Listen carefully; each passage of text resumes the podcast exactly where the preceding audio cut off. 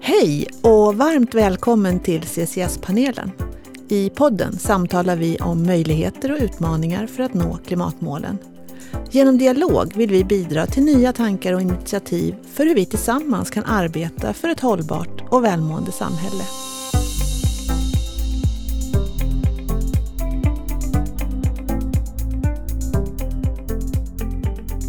Jag heter Liselott Jernberg Beit och arbetar till vardags som kultur och hållbarhetschef på Granitor. Som programledare för CCS-panelen blandar jag och ger olika infallsvinklar på det vi inom Granitor benämner som ansvarsfulla affärer. Det innebär att jag samtalar med människor som verkar inom olika discipliner och som bidrar med sina perspektiv på den omställning vi står inför om vi ska nå 1,5-gradersmålet.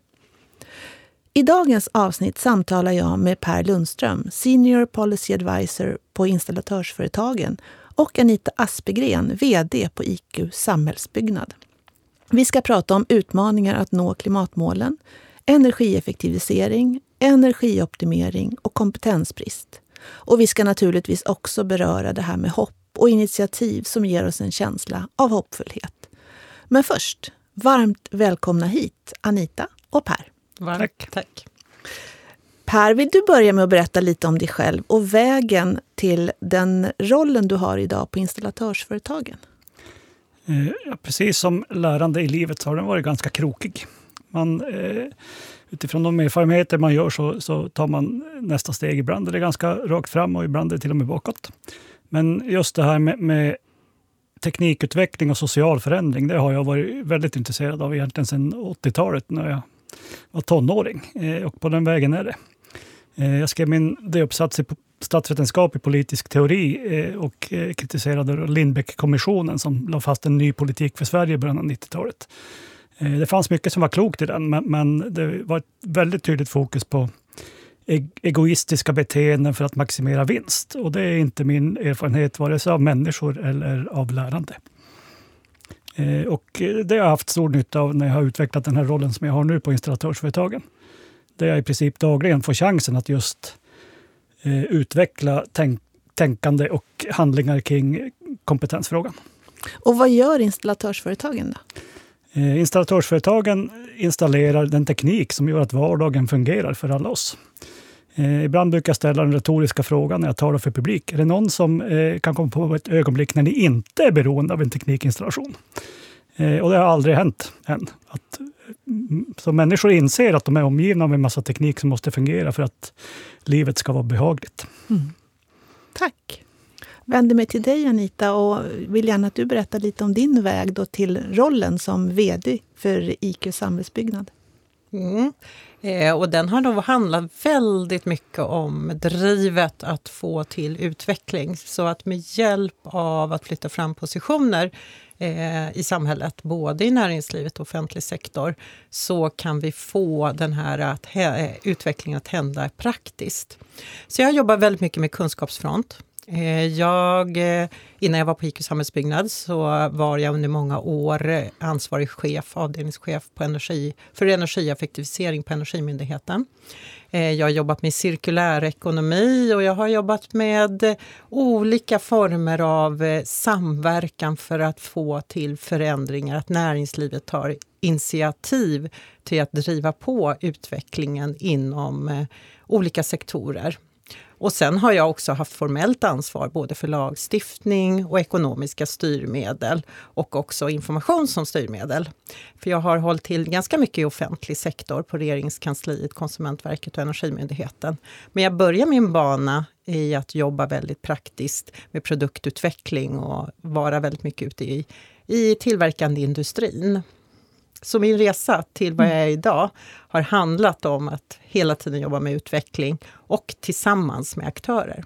Spännande. Vad är det för typ av företag som är med i IQ Samhällsbyggnad? Ja, IQ Samhällsbyggnad är ju en medlemsorganisation skapad av aktörerna i sektorn. Och hela idén är att vi samlar både företag, branschorganisationer och eh, offentlig sektor som kommuner och myndigheter tillsammans med akademin, alltså universiteten.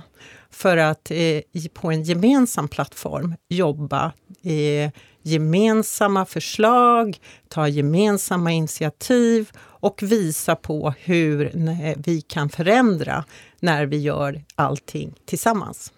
Installatörsföretagen är en av medlemmarna, eller hur Per? stämmer bra och IQ-samhällsbyggnad är en väldigt viktig arena både för mig och flera av mina kollegor. Just utifrån det perspektiv som Anita beskrev. För där finns liksom hela eh, värdekedjan, offentliga och privata aktörer. Eh, I vanliga fall så är vi starkare kopplade till Svenskt Näringsliv där vi har många eh, bra nätverk, inte minst inom kompetensförsörjning. Men, men eh, samhällsbyggnadssektor handlar ju om, om mer liksom än bara det svensk industri håller på med. Det handlar om hur samhället fungerar. Mm. Eh, jag tänkte att vi skulle ta avstamp i teman som vi har haft uppe förut i den här podden. Eh, I avsnitt 42 till exempel så pratar jag med Staffan Lestadius som är omställningsforskare och professor emeritus på fakulteten industriell utveckling vid KTH. Och vi pratade om hur snabbt våra klimatavtryck har ökat, bland annat som ett resultat av att jordens befolkning har ökat så snabbt sedan andra världskriget. Och eftersom vi blir fler och fler och allt fler strävar också efter en dräglig levnadsstandard så ökar konsumtionen och följden av alla de processerna som hänger ihop med det gör att utsläppen av växthusgaser ökar. Vi pratar i det sammanhanget om den totala utsläppsbudget som eh, vi kan höra om från fler och fler forskare. Och man tycks rätt eniga om att den globala utsläppsbudget som vi har kvar är någonstans mellan 400 och 600 gigaton. Och med dagens utsläppstakt så pratar vi om ett så kort tidsspann som 10 till 20 år max. Sen är vi där och 1,5 graders och till och med 2,0 graders målet har oomkullrunkeligt passerats. Vad tänker ni om det här? Anita, vad säger du? Ja, men det är väldigt lätt att det här handlar om allas ansvar och att det finns en risk att det blir ingens ansvar. Och Det är därför det är så positivt att aktörer går samman och skapar en gemensam bild över vad som behöver åstadkomma. För då skapar man tryck över att även få till eh, konkreta saker. Och ett sådant initiativ som jag tycker är mycket positivt, det är färdplanerna för fossilfri konkurrenskraft. Och det finns det ju inom många olika sektorer och delsektorer. Och bland annat då bygg och anläggningssektorn där både Per och, och vi på IQ Samhällsbyggnad är involverade i det arbetet nu, att få det till genomförande. Och där driver ju eh, de som har skrivit under, det är mycket företag och branscher, men också en del på offentligsidan. Eh, ett, liksom skapar ett tryck i det där och det tycker jag är väldigt positivt. Men det är också en väldigt stor oro över att just eh, när så många måste agera och det inte finns tydlighet i på vilka sätt. Att det här blir mer ett prat och väldigt lite verkstad. Så att det är klart att det finns ju en oro i mig. För tidshorisonten är ju kort som vi har att hantera. Och samhällsbyggnadssektorn är långsiktig. Eh, det bebyggda beståndet, oavsett om vi pratar om en väg eller en eh, en eh, bostad eller en kontorsfastighet har en väldigt lång livslängd och det är långa planeringshorisonter. Så att ska vi klara de här utmaningarna, då är det egentligen åtgärder som redan är påbörjade. Och det här tycker jag är en, det är en tuff utmaning, att ha, jobba med tidsaspekten här. Och då brinner det i knutarna faktiskt för att få saker att hända. Och då måste vi använda frontteknik, frontkompetens, frontkunskapen i praktisk handling här och nu idag. För det är det vi, varje beslut vi tar varje dag, det är det som avgör. Och det är, liksom, det är ju inte en effekt som händer nästa vecka, utan det är saker vi eh, kommer att se effekter av om flera år och som vi sen ska leva med kanske i 30, 40, 50 och till och med 100 år framöver. Där det blir mycket mer kostsamt för resursanvändning och klimat om vi måste göra om. Mm. Så det här är, det är stora frågor och mm. viktiga frågor, men vi måste agera här och nu. Mm.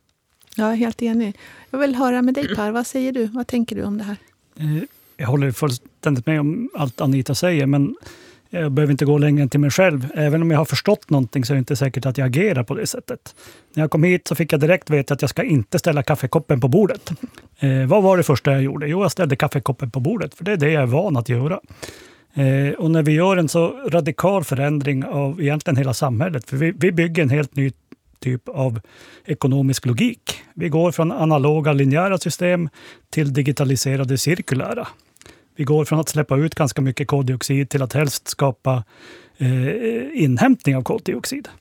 Eh, och det här kräver att väldigt många då förändrar beteende genom hela värdekedjan och det är riktigt svårt. Mm. Eh, och jag hade själv förmånen att vara i Stockholms stadshus, eh, Klimatpakten. Det var väldigt mycket positiva budskap från scenen. Eh, och så frågade jag mina gamla kollegor på Finansen, ja men hur gör ni då när ni upphandlar? Ja, de upphandlar fortfarande inte de klimatsmartaste lösningarna som skapar mest värden. För det är inte den strukturen man byggt upp. Och de som upphandlar var inte på plats i stadshuset för att förstå att jag är en del av det här. Eh, så vi behöver fortsätta ha det samtalet, men vi måste också öka trycket. Och just ur samhällsbyggnadssektorns perspektiv så är ju det här med upphandling. Hälften av offentlig upphandling, 440 miljarder ungefär, handlar om samhällsbyggnad. Alla de pengarna, varje krona, måste användas för att vi ska klara av klimatomställningen. Mm. Ja, spännande det där att det är... För det där, nu låter det återigen som vi kommer in på det där med rör och silos. Att man, liksom, man, man får en förståelse och man, man tänker nytt på ett område och sen är det något annat område som inte hänger med och då fallerar alltihopa. Eh, och jag är också ganska optimistiskt lagd som person. Jag kan tänka att det finns utmaningar och så fort det finns utmaningar så finns det också möjligheter. Och det som skrämmer mig här det är egentligen tidsintervallet. För vi skulle ju behöva fokusera egentligen alla våra resurser på att utforska möjligheterna som finns.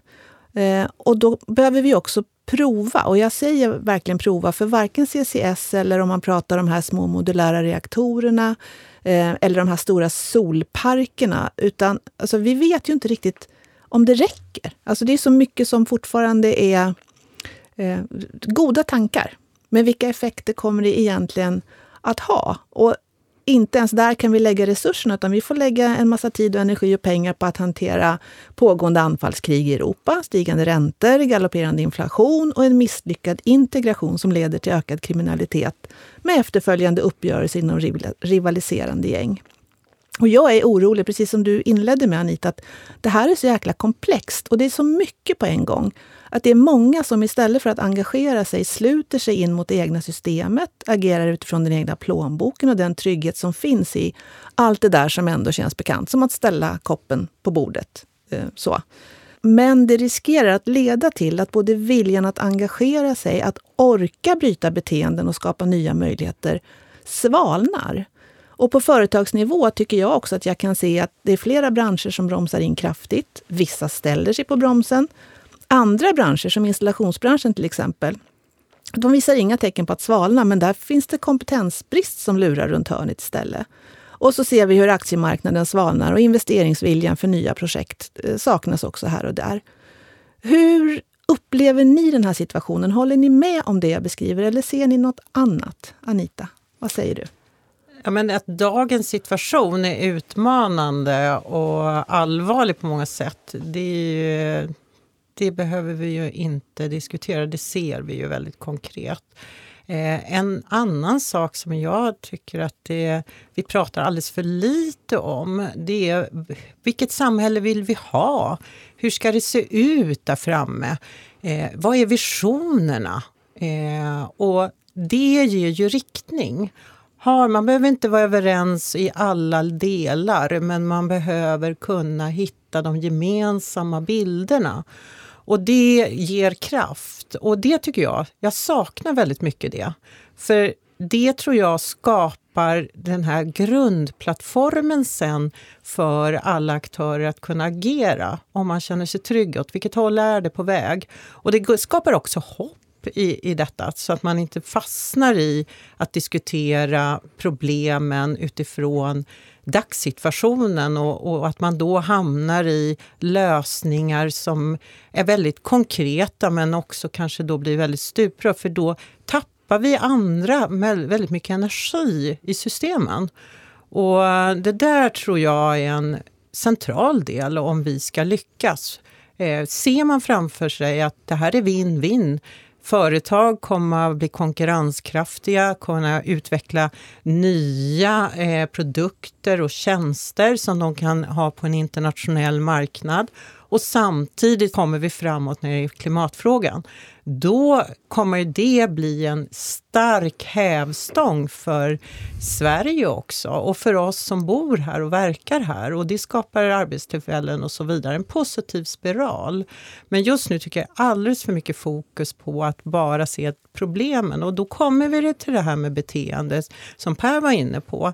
Att då reagerar vi på det, att det här svarta borta och sluter oss och fokus, lyfter det till diskussioner och istället missar eh, de här andra viktiga frågorna. Och jag tänker för oss som jobbar med samhällsbyggnadsfrågor brett, att vi är en del i att kunna skapa det här nya. Du nämner flera utmaningar. Men det går också att jobba med den fysiska miljön som ett bidrag till att vi får attraktiva livsmiljöer. Och att mer prata om hur skapar vi det och hur kan alla bidra från olika håll. Så att jag känner både igen mig från det men samtidigt känner jag så här, nej men låt oss släppa det där lite också. Eh, och nu menar jag inte att vi inte ska ta hand, hand om de utmaningarna, för det tycker jag verkligen. Men, men låt oss samtidigt klara av att vara lite långsiktiga och, och också skapa riktning. Mm. Jag tycker det var spännande att du nämnde det där, för att när jag pratade med Staffan Lestadius så var han in på samma sak. Han refererade till några av våra historiskt eh, stora ehm, ledare, alltså politiker, eh, som hade en retorik som gjorde ändå att man samlade nationen och man kände hopp. Vem skulle kunna, eller vilka skulle kunna hjälpa till med den här berättelsen som gör att vi synkar vår energi mot någonting positivt, tänker du? Jag tycker att politikerna har ett stort ansvar och jag kan bli eh, generellt, oavsett eh, partifärg, eh, så kan jag bli besviken på det här samtalet som förs mellan politiker. Så jag tycker de har ett ansvar.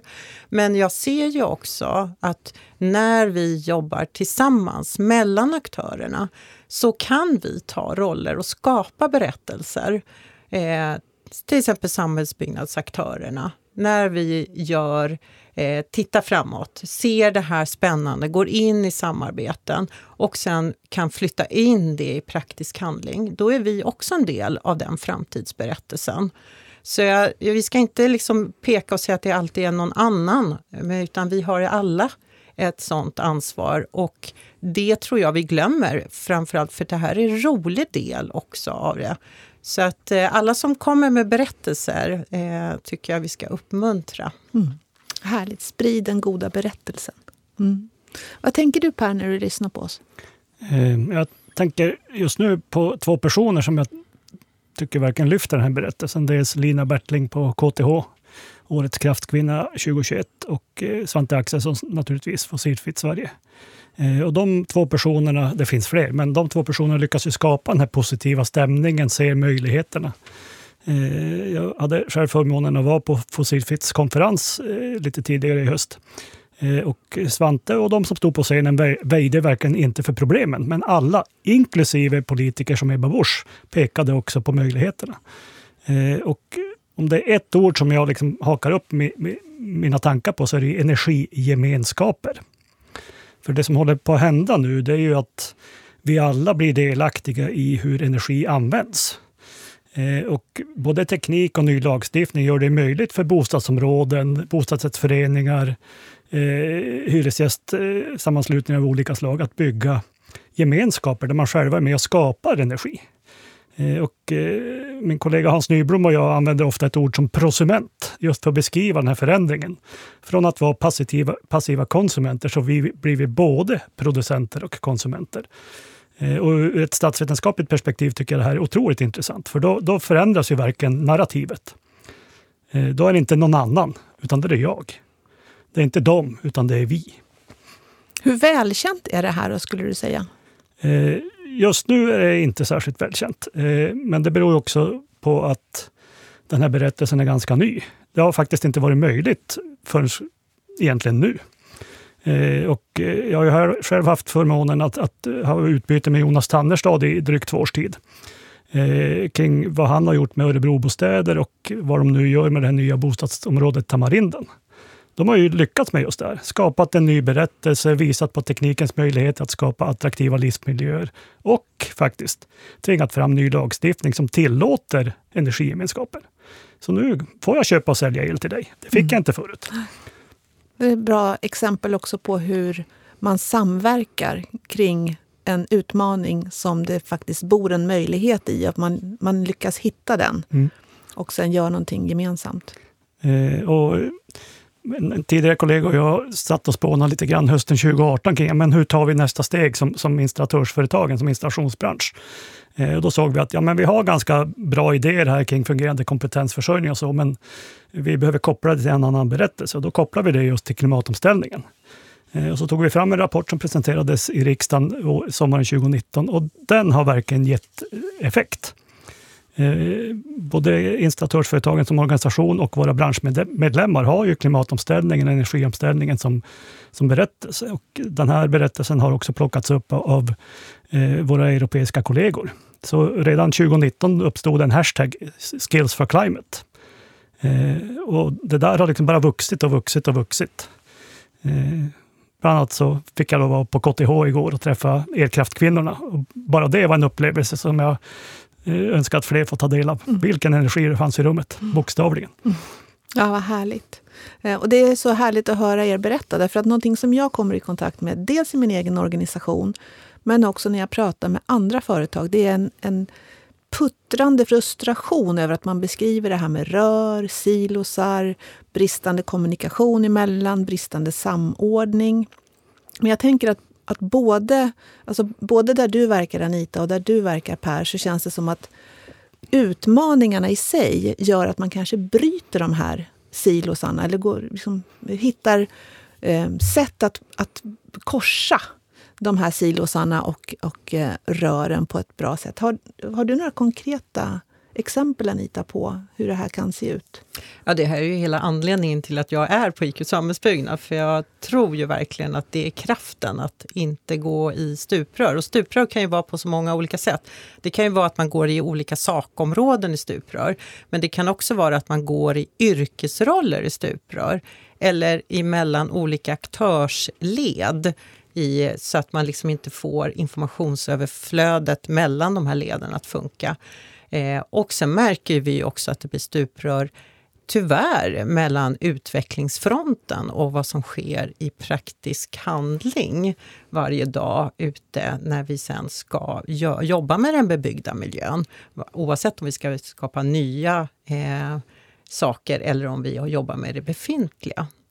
Eh, så att, ja, det är vad vi sysslar med eh, i många olika konstellationer, att försöka få bort de där stuprören. Och ett sånt sätt vi jobbar med, det är att samla aktörerna. Och så har vi ett nyttiggörande utskott där man samlas både i akademi, branschorganisationer, företag med olika kompetenser, kommun, eh, från universitet och sen så pratar vi om precis vad är generiska faktorer för framgång för att komma förbi det här och få det här som vi vet kanske har varit ett gott exempel. Eh, per nämnde eh, ett gott exempel som ofta kommer upp och hela Örebro jag brukar lyfta som ett gott exempel där man jobbar tvärs eh, mellan kommunen och bolag och eh, enskilda företag som är inne och jobbar tillsammans med det kommunala fastighetsbolaget.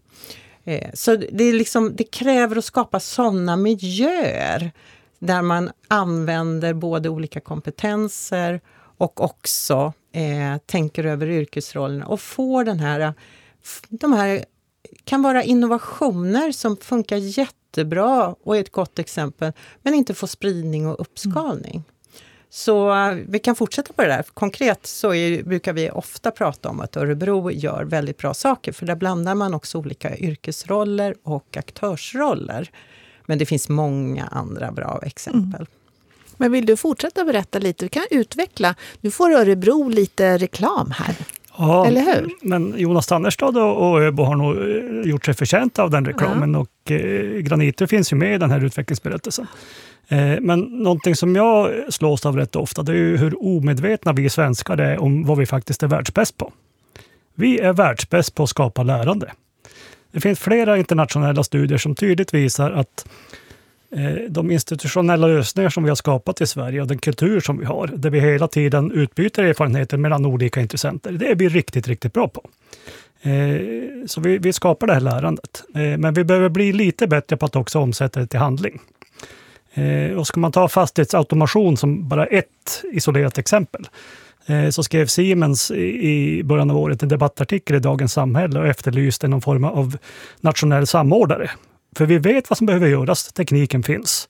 Men om vi ska vänta på att 290 kommuner ska lära sig det här, eh, x antal tjänstemän ska lära sig det här, mina gamla kollegor i Stadshuset ska lära sig det här, då kommer det att ta för lång tid. Eh, så vissa saker måste vi faktiskt eh, ha ett väldigt tydligt ledarskap kring. Och det ledarskapet måste vara politiskt. Eh, här finns det möjlighet för till exempel vår nya klimatminister hon skulle kunna ta vår fråga, energieffektivisering, eh, och verkligen visa att, att hon kan göra skillnad. Och vi har både praktiska exempel och väldigt bra utredningsunderlag.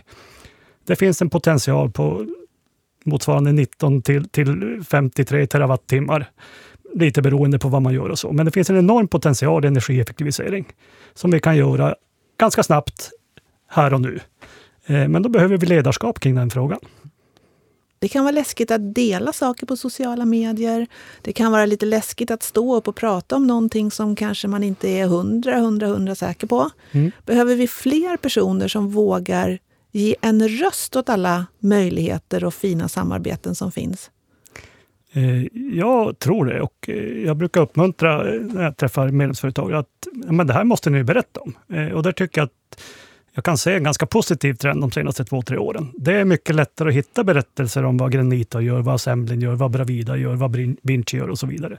Men även ganska små företag, en del är riktigt duktiga på att synas på, på sociala medier. Jag, jag, tänker till exempel på Hallabro El och Emma Elheim Karlsson. Mm. Eh, och hon har ju också en, en ledarskapsidé som är väldigt tilltalande, för hon tror på snällhet. På snällhet? Ja. Mm. Eh, Fint. För då vågar människor slappna av och vara sig själva. Mm. Och det är ju nyckeln, att skapa miljöer där vi faktiskt vågar vara oss själva och vågar vara olika. För det är när vi är olika som det händer grejer. Mm.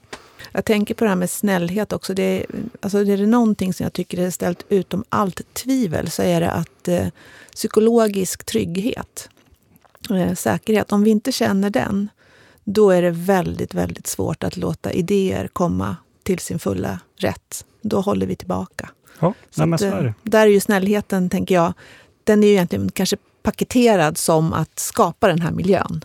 Jo. Där ja. man vågar. Jo, nej, men väldigt ofta är ju de två största hindren för utveckling, det är ju rädsla och stress. Mm.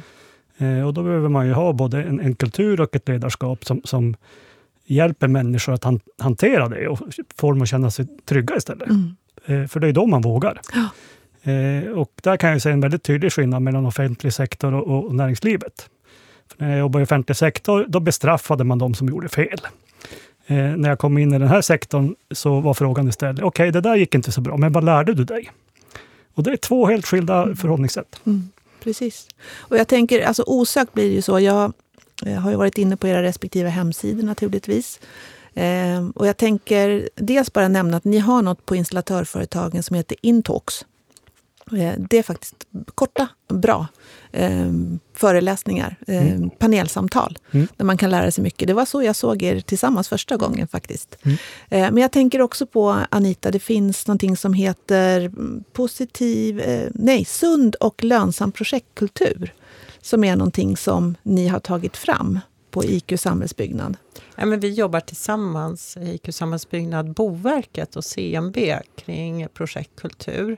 Och vi har lite olika ingångar och roller i det samarbetet där Boverket har haft fokus på just problembilder och hur liksom mycket kostnader det är som inte leder till något värde och nytta, utan som handlar om rena slöserier.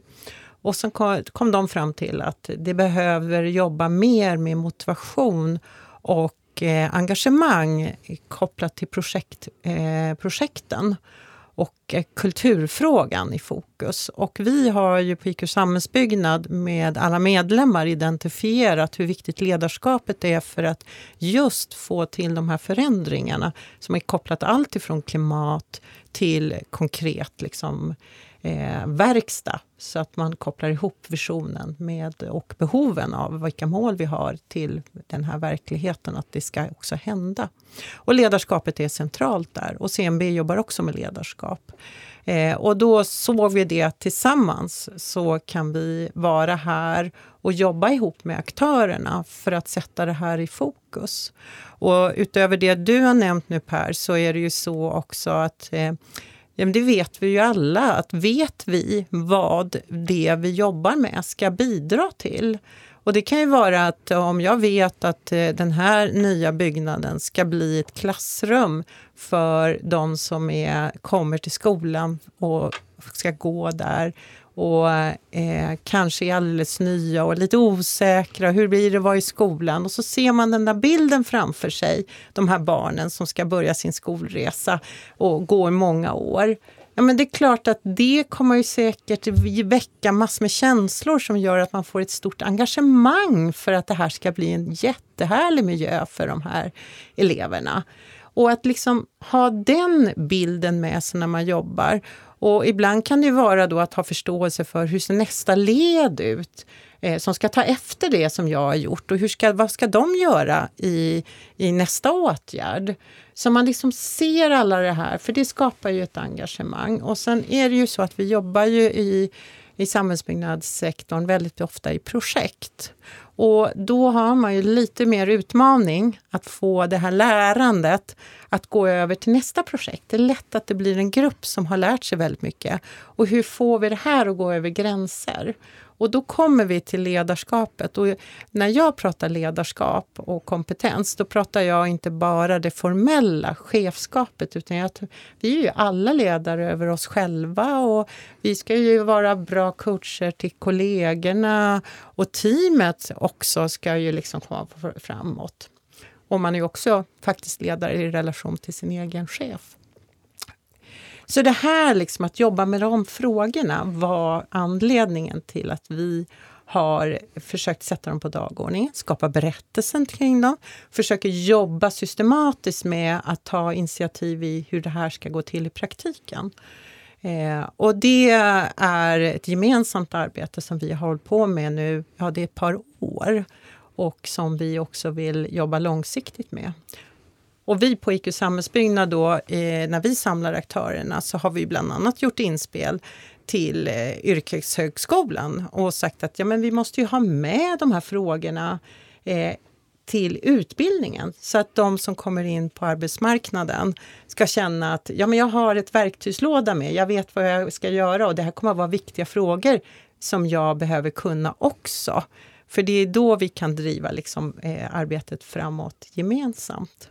Och sen ska vi ju lyfta goda exempel här också när det gäller projektkultur. Så att det, det är också de där berättelserna, vi är beteende och att vi alla är en delaktiga i, i att nå de här gemensamma. Det tror jag också att det är en jätteviktig del för att vara en attraktiv arbetsgivare. Mm. Ja, det tror jag också. Och det är också, om man nu tittar på det rent ekonomiskt, så är det ju hårresande någonstans 111 miljarder som projekten kostar i antingen någon typ av slöseri därför att man har inte eh, byggt på rätt ritningar eller man har missförstått varandra.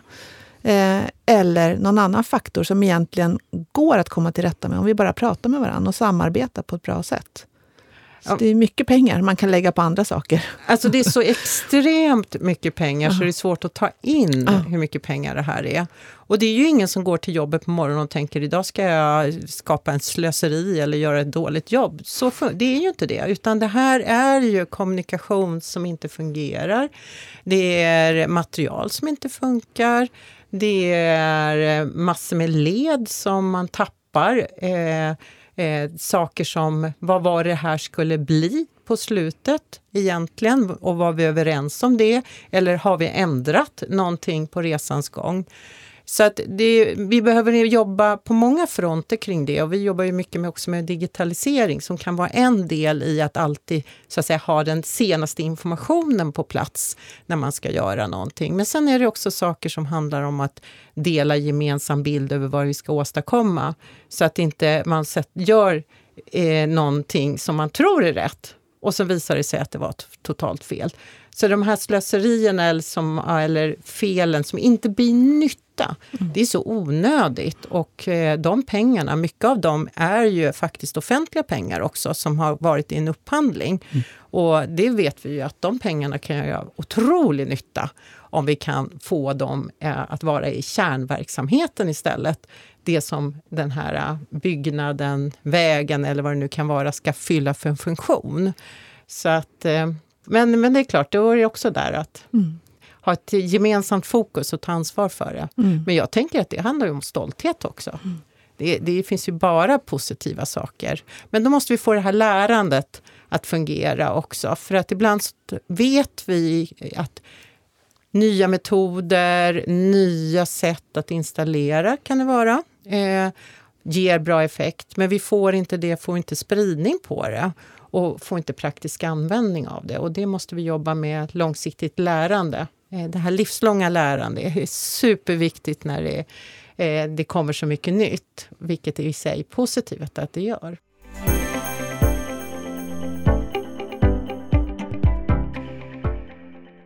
Vi pratade lite om det när vi förberedde det här programmet. Jag har ju haft förmånen att få använda min, min kompetens inom olika projekt som samverkansledare.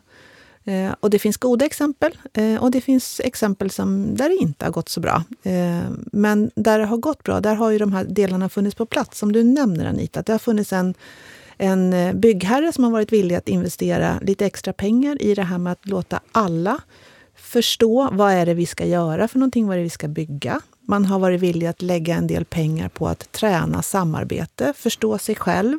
Vem är jag i helheten? Hur är jag lik andra? Hur är jag olik andra? Hur kan vi pussla på ett effektivt sätt så att vi faktiskt kompletterar varandra och inte motverkar varandra? Och inte minst ha korta men dock avstämningar kring så här, hur är det just nu? Alltså hur funkar vi tillsammans? Hur funkar det på bygget? Är det någonting? Hakar det upp sig någonstans? Så det är egentligen med ganska små medel, men att man aldrig backar från det här oavsett hur tajt tidsschemat blir så tar man de här två timmarna och diskuterar igenom saker och ting. Och då kan det vara så att man vänder hela situationen på nu säger jag en 50-öring. Jag hoppas att alla som lyssnar vet fortfarande vad en 50-öring var för någonting. Men det kan gå ganska snabbt. Men man behöver ha någon som vågar tro på det här och som vill, är villig att ta investeringskostnaden för att vi kommer att lägga lite tid på själva huret i projektet. Alltså hur relaterar vi till varandra? Hur tar vi hand om varandra? Hur samarbetar vi? Hur löser vi problem? Hur löser vi konflikter? Då går det ofta väldigt bra. Eh, och det som, det som känns lite deppigt i sammanhanget, det var att jag gick in i ett projekt 2016, tror jag det var, med den här rapporten från Chalmers, där man tog upp just vad kvalitetsbrist kostar. Och så kan jag konstatera att nu har man gjort en utredning och landat i precis det här som var liksom våra egna erfarenheter. Men vi har ändå slösat 111 miljarder vartenda år sedan dess. Pengar som vi hade kunnat satsa på CCS eller solfångare eller vindkraftsparker eller vad som helst. Ja, och då, är, då är ändå en, en portalparagraf i kommunallagen god ekonomisk hushållning. Ja. Eh, men jag har jobbat i kommun och vet att det finns så många administrativa system och lösningar som gör att man faktiskt inte jobbar med god ekonomisk hushållning, utan man jobbar med att eh, infria detaljer eller redovisa saker. Och det är någonting helt annat än att bygga den typ av tillit som du pratar om. Mm. Eh, för det är när vi lyckas bygga tillit eh, och få alla människor att känna att jag kan lita på det här. Då åstadkommer vi väldigt bra saker tillsammans. Men så fort det smyger in en misstanke om att nej, men jag kan inte lita på den där personen, Direkt blir det mycket, mycket svårare. Eh, och Det som spökar för oss är ju det här med att vi alla blir, vill bli sedda och bekräftade. Eh, och så fort jag då känner att nu fick den personen mer uppmärksamhet än mig, då... då ja. Mm. Så Mattias Goldman, som är en skicklig kommunikatör, har ju skrivit en bok om just det här. Hur de sju dödssynderna kan användas till att åstadkomma bra saker.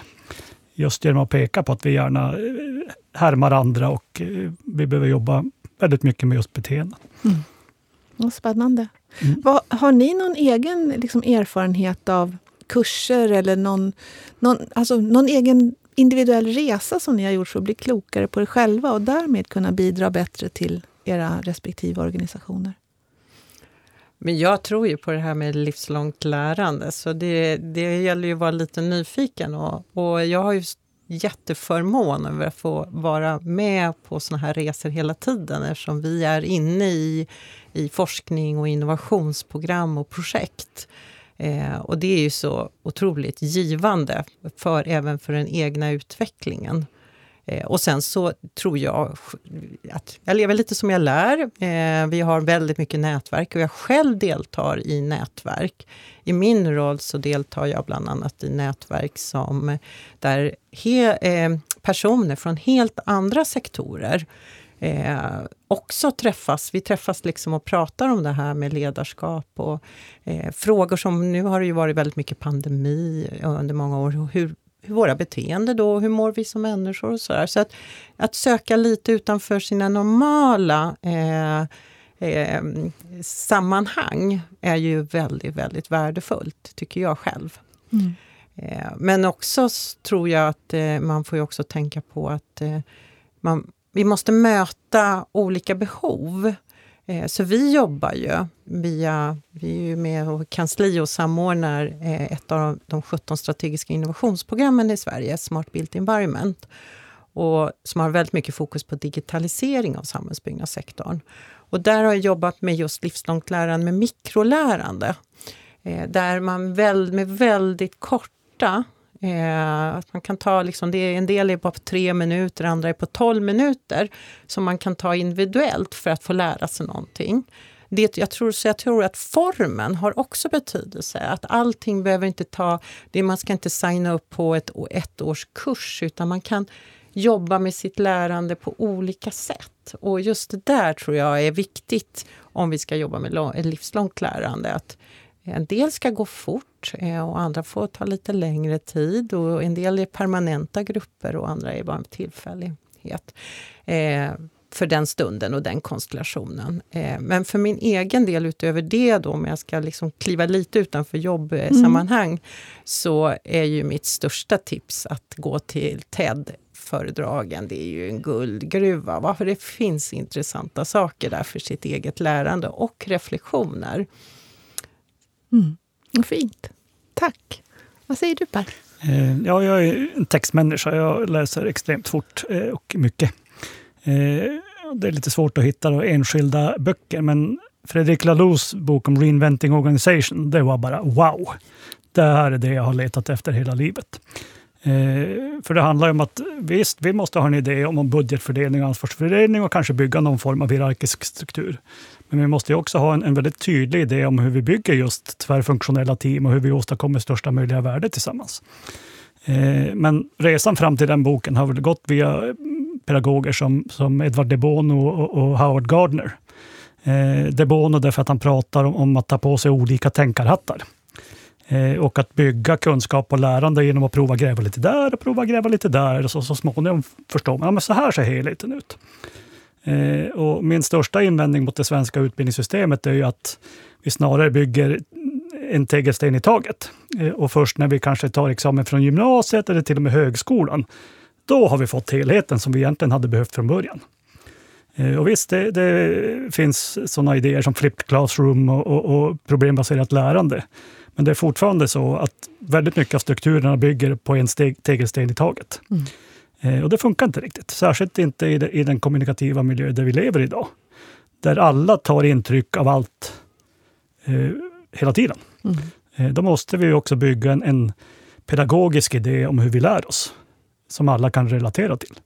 Eh, och Det jag gillar med Gardner är att han, han pekar väldigt tydligt på, på olika typer av intelligenser. Några är bra på språk, andra på matte. I min bransch skulle jag gissa att väldigt, väldigt många är duktiga på rumsuppfattning, alltså spatial förmåga. Eh, många psykologer och andra är ju duktiga på det här interpersonella. Liksom. Så vi behöver fundera mycket mer på vilken typ av personer vi vill ha i en grupp, så att det inte bara är samma typ av personer. För det vet vi att det är förödande. Eh, utan vill vi bygga utveckling så måste vi också ha en väldigt strukturerad idé kring hur skapar vi olikheter som bygger saker tillsammans. Mm. Och det som är, tycker jag kändes fint när jag just också läste Gardner, det är att du alltså, odla det du är bra på. Försök inte odla det du inte är bra på, för det kommer bara bli jobbigt. Ja, och där har vi tyvärr haft ett, ett betygssystem i Sverige, ja. där vi straffar eleverna för det de är sämst på, ja. istället, istället för att belöna det de är bäst på. Mm. Eh, och det skapar en del av den här hemska stressen som vi kan ta del av bland unga människor.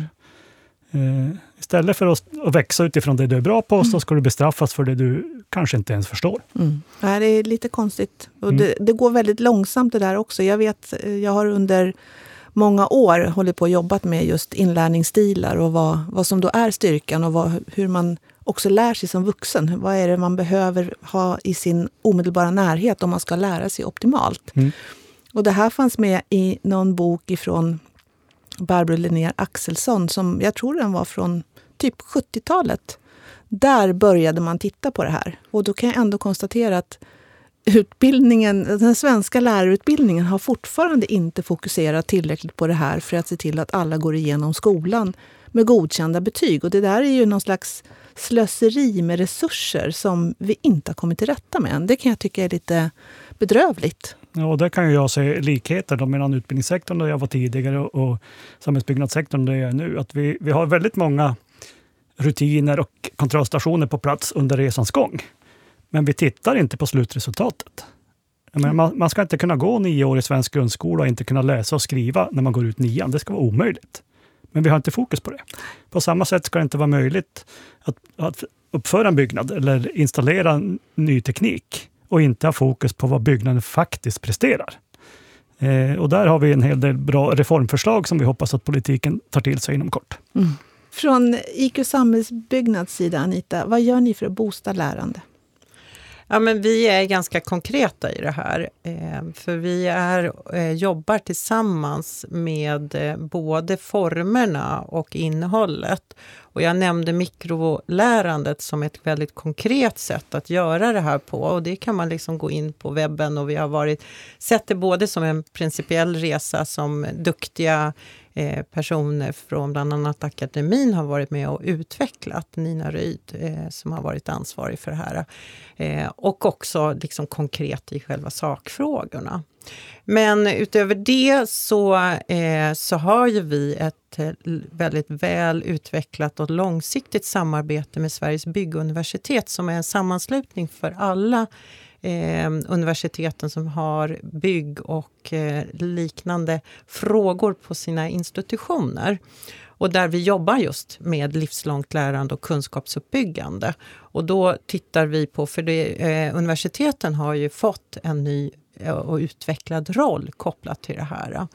Eh, och det är ju väldigt viktigt. Och där ser ju vi att det går att utveckla ännu mera. Eh, så att eh, universiteten möter näringslivet och offentlig sektor under eh, hela personens yrkesliv. Det kan vara så att man har en grundutbildning men sen behöver man fylla på hela vägen. Och Det kan också vara grupper som behöver in i den världen för där finns det kompetens och kunskap som behöver även om man inte har gått på universitet från, eh, i sin grundutbildning. Och det är sånt som det blir väldigt praktiskt men det är också väldigt strategiskt att jobba med de frågorna. Mm. Så där är vi på. Mm. Eh, och sen så jobbar vi med lärande ute att vi just träffar aktörer tillsammans. Det är ett lärande i sig att höra på andras perspektiv. Att eh, både så att säga Ibland så kan det finnas särintressen i att man irriterar sig på en annan yrkeskategori och tycker att ja, men de har inte hängt med vad jag håller på med eller så. Men att bara vara i samma eh, rum eller digitala rum och just prata igenom frågor och se hur förflyttar vi de här? Det är också en del i, det, i lärandet. Och det är vad vi sysslar med varje dag. Så vi är på fler fronter på det där, men det är en av våra prioriterade områden. Det är eh, givetvis, för eftersom vi jobbar med forskning och innovation, kunskapsuppbyggande, men också det livslånga lärandet. Mm. Och det tycker jag du beskriver så fint också, att det behöver inte vara de här långa programmen där man kanske behöver ta tjänstledigt för att kunna lära sig, utan man kan lära sig samtidigt som man jobbar. med korta eh, nanolörningar som, som på något sätt bygger, det, bygger vidare på det man redan har. Mm. Sen är vi väldigt mycket och försöker skapa bra förutsättningar för doktorander och, och de som ska vidare i den akademiska världen. De är också viktiga i det här för att flytta kunskapsfronten. De måste ha rätt förutsättningar. Så det, det gör vi ju också, men de flesta av oss är ju inte i den miljön utan behöver det här över tid, att fylla på hela tiden. Vi brukar i den här podden alltid avsluta med att prata om hopp. Eh, och hopp har jag förstått. Carly e. Andersson är klimatpsykolog och hade en insändare, jag tror att det var förra året, runt nyår, som hon skrev om det här. Jag har också lyssnat på en podd där hon medverkar. Och hon pratar om hopp som ett resultat av att vi gör. Eh, och nu har ju ni nämnt flera jättefina exempel här som, som gör att jag förstår att ni känner hopp. Men jag skulle ändå vilja att ni sätter ord på hur ni har det med känslan av hopp just nu och sen också kanske kopplar det till varför känns det så just nu? Vill du börja Anita? Ja, men, ja tack, eh, jag kan börja. med det hopp tycker jag är en eh, härlig känsla av att ändå känna att man har både energi och driv. Eh, och det, det, det, har jag utifrån att alla de här mötena med, i mitt fall då, aktörer som finns i samhällsbyggnadssektorn. Och det liksom, finns en enorm vilja eh, bland, oavsett vilken liksom hemvist man har. Och det är en sån förmån att få jobba med personer och organisationer som vill. Vill olika saker och det ger mig väldigt mycket hopp. Eh, så den tycker jag är, ja, nej men jag har hopp där. Eh, sen så finns det ju saker som man känner vissa dagar att nej men gud, det här är ju, åh, inte nu igen liksom. Och då, då får man ju verkligen försöka backa tillbaka till den där eh, grundkänslan. Eh, och jag tror verkligen på det. Eh, jag tror att tillsammansarbetet är vägen framåt och det är det som ger mig hopp. Mm. Fint, tack.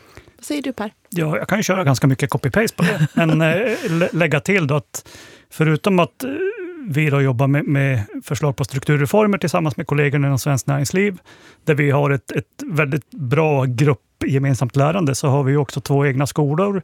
Eh, vi har ett, ett eget utbildningscenter som verkligen lägger örat mot rälsen och lyssnar av vad behöver medlemsföretagen här och nu. Eh, det som gör mig mest fylld av hopp för tillfället är ju att erfarenheterna från yrkeshögskolan nu är på väg att också bli en del av högskoleutbudet i form av, av korta kurser som är anpassade för, för arbetslivets behov. Eh, och vi jobbar ju också för att en del av vuxenutbildningen, det som kallas yrkesvux, också ska präglas mycket mer av det som finns inom yrkeshögskolan. Det, det vill säga att man bygger på vad företagen faktiskt behöver. Och det finns en väldigt tydlig koppling mellan utbildning och praktik på företag. Eh, och mer specifikt för vår bransch har vi också något som kallas företagslärling. Eh, och ska vi komma åt en av våra absolut största utmaningar, nämligen att rekrytera kvinnor till branschen, då måste vi ha ett erbjudande till vuxna kvinnor som kan börja hos ett medlemsföretag utan tidigare erfarenhet eh, och sen använda vuxkurser för att bli den där yrkesskickliga installatören. Men då behöver vi lite hjälp från staten, eller kanske slopad arbetsgivaravgift och tillgång till just vuxpeng. Eh, den frågan har vi drivit ett tag, men vi kommer allt närmare framgång. Mm, vad härligt. Jag känner mig också hoppfull. Dels för att jag får förmånen att göra den här podden och få träffa väldigt många spännande människor som driver utifrån engagemang olika saker, men som ändå har hållbarhet och 1,5-gradersmålet gemensamt. Eh, sen blir jag också väldigt glad över de initiativ som vi tar på Granitor. Vi har startskottet på Granitor Elektro också som siktar mot att vi ska få in fler personer, unga människor, in i vår bransch. Och också ett initiativ som heter Let's Uptech, där vi har ett samarbete med Scania och Nitech, där vi riktar in oss mot skolor som ligger i utanförskapsområden, där vi vill få in niondeklassare att bli mer intresserade mot teknikyrket och där vi jobbar över tid. Eh, den typen av initiativ ger mig väldigt mycket hopp. Så det känns ju härligt att vi avrundar det här programmet alla tre med en känsla av hopp i kroppen. Så med det så skulle jag vilja tacka dig Anita för att du har velat hänga här med mig idag. Tack, tack själv. Tack. Och tack Per för att du ville komma hit och hänga med mig och Anita. Tack, det gjorde jag väldigt gärna. Det är precis sådana här samtal som gör att jag vaknar på morgonen och vill gå till nästa arbetsdag. Ja, men det är jättehärligt. Och stort tack till dig som har lyssnat. Och eh, är det så att det är någon som nu funderar på vad man kan köpa i julklapp så tänker jag att du har nämnt några böcker Per. Ja, men jag tycker också att man kan fundera på till exempel eh, satsningar på rent vatten i andra länder. Det finns ju väldigt många så här meningsfulla gåvor som man kan ge till andra. För i ärlighetens namn, i Sverige är det inte särskilt många som behöver mer saker. Men vi behöver nog bygga ett gemensamt hopp eh, och eh, jobba med förbättringar. Fint. Eh, vätskeersättning, det är en sån här standardpresent från mig. Det tycker jag känns jättebra att ge bort. Du då Anita? Åh, det är precis såna presenter jag brukar också eh, använda oss av. Eh, men jag tänker också att vi ska i, prata om att du nämnde att saker och ting kan vara lite svart också. Så ska vi inte glömma bort Ukraina eh, nu inför julen. Eh, och är det så också här på hemmaplan så är upplevelser som man gör tillsammans tycker jag också är ett bra tips. För mm. vi behöver ha den här gemenskapen. Mm. Absolut. Jag skulle vilja skicka med ett, eh, ett, ett boktips i alla fall och det är klimatpsykologi. Det är tre klimatpsykologer som har skrivit den. Det är så himla bra därför där kan jag få klart för mig enligt effektglappet vad jag verkligen bidrar till och vad som faktiskt inte bidrar. Och jag kan också titta på påverkanspilen och fundera på, har det hög eller låg påverkan det jag faktiskt gör? Tyvärr är den så ny så jag tror inte den finns på bokbörsen, men man kan alltid prova. Så behöver vi inte köpa nya saker. Då säger vi hej från studion i Stockholm helt enkelt. Tack så mycket. Hej då! Tack. Hej då.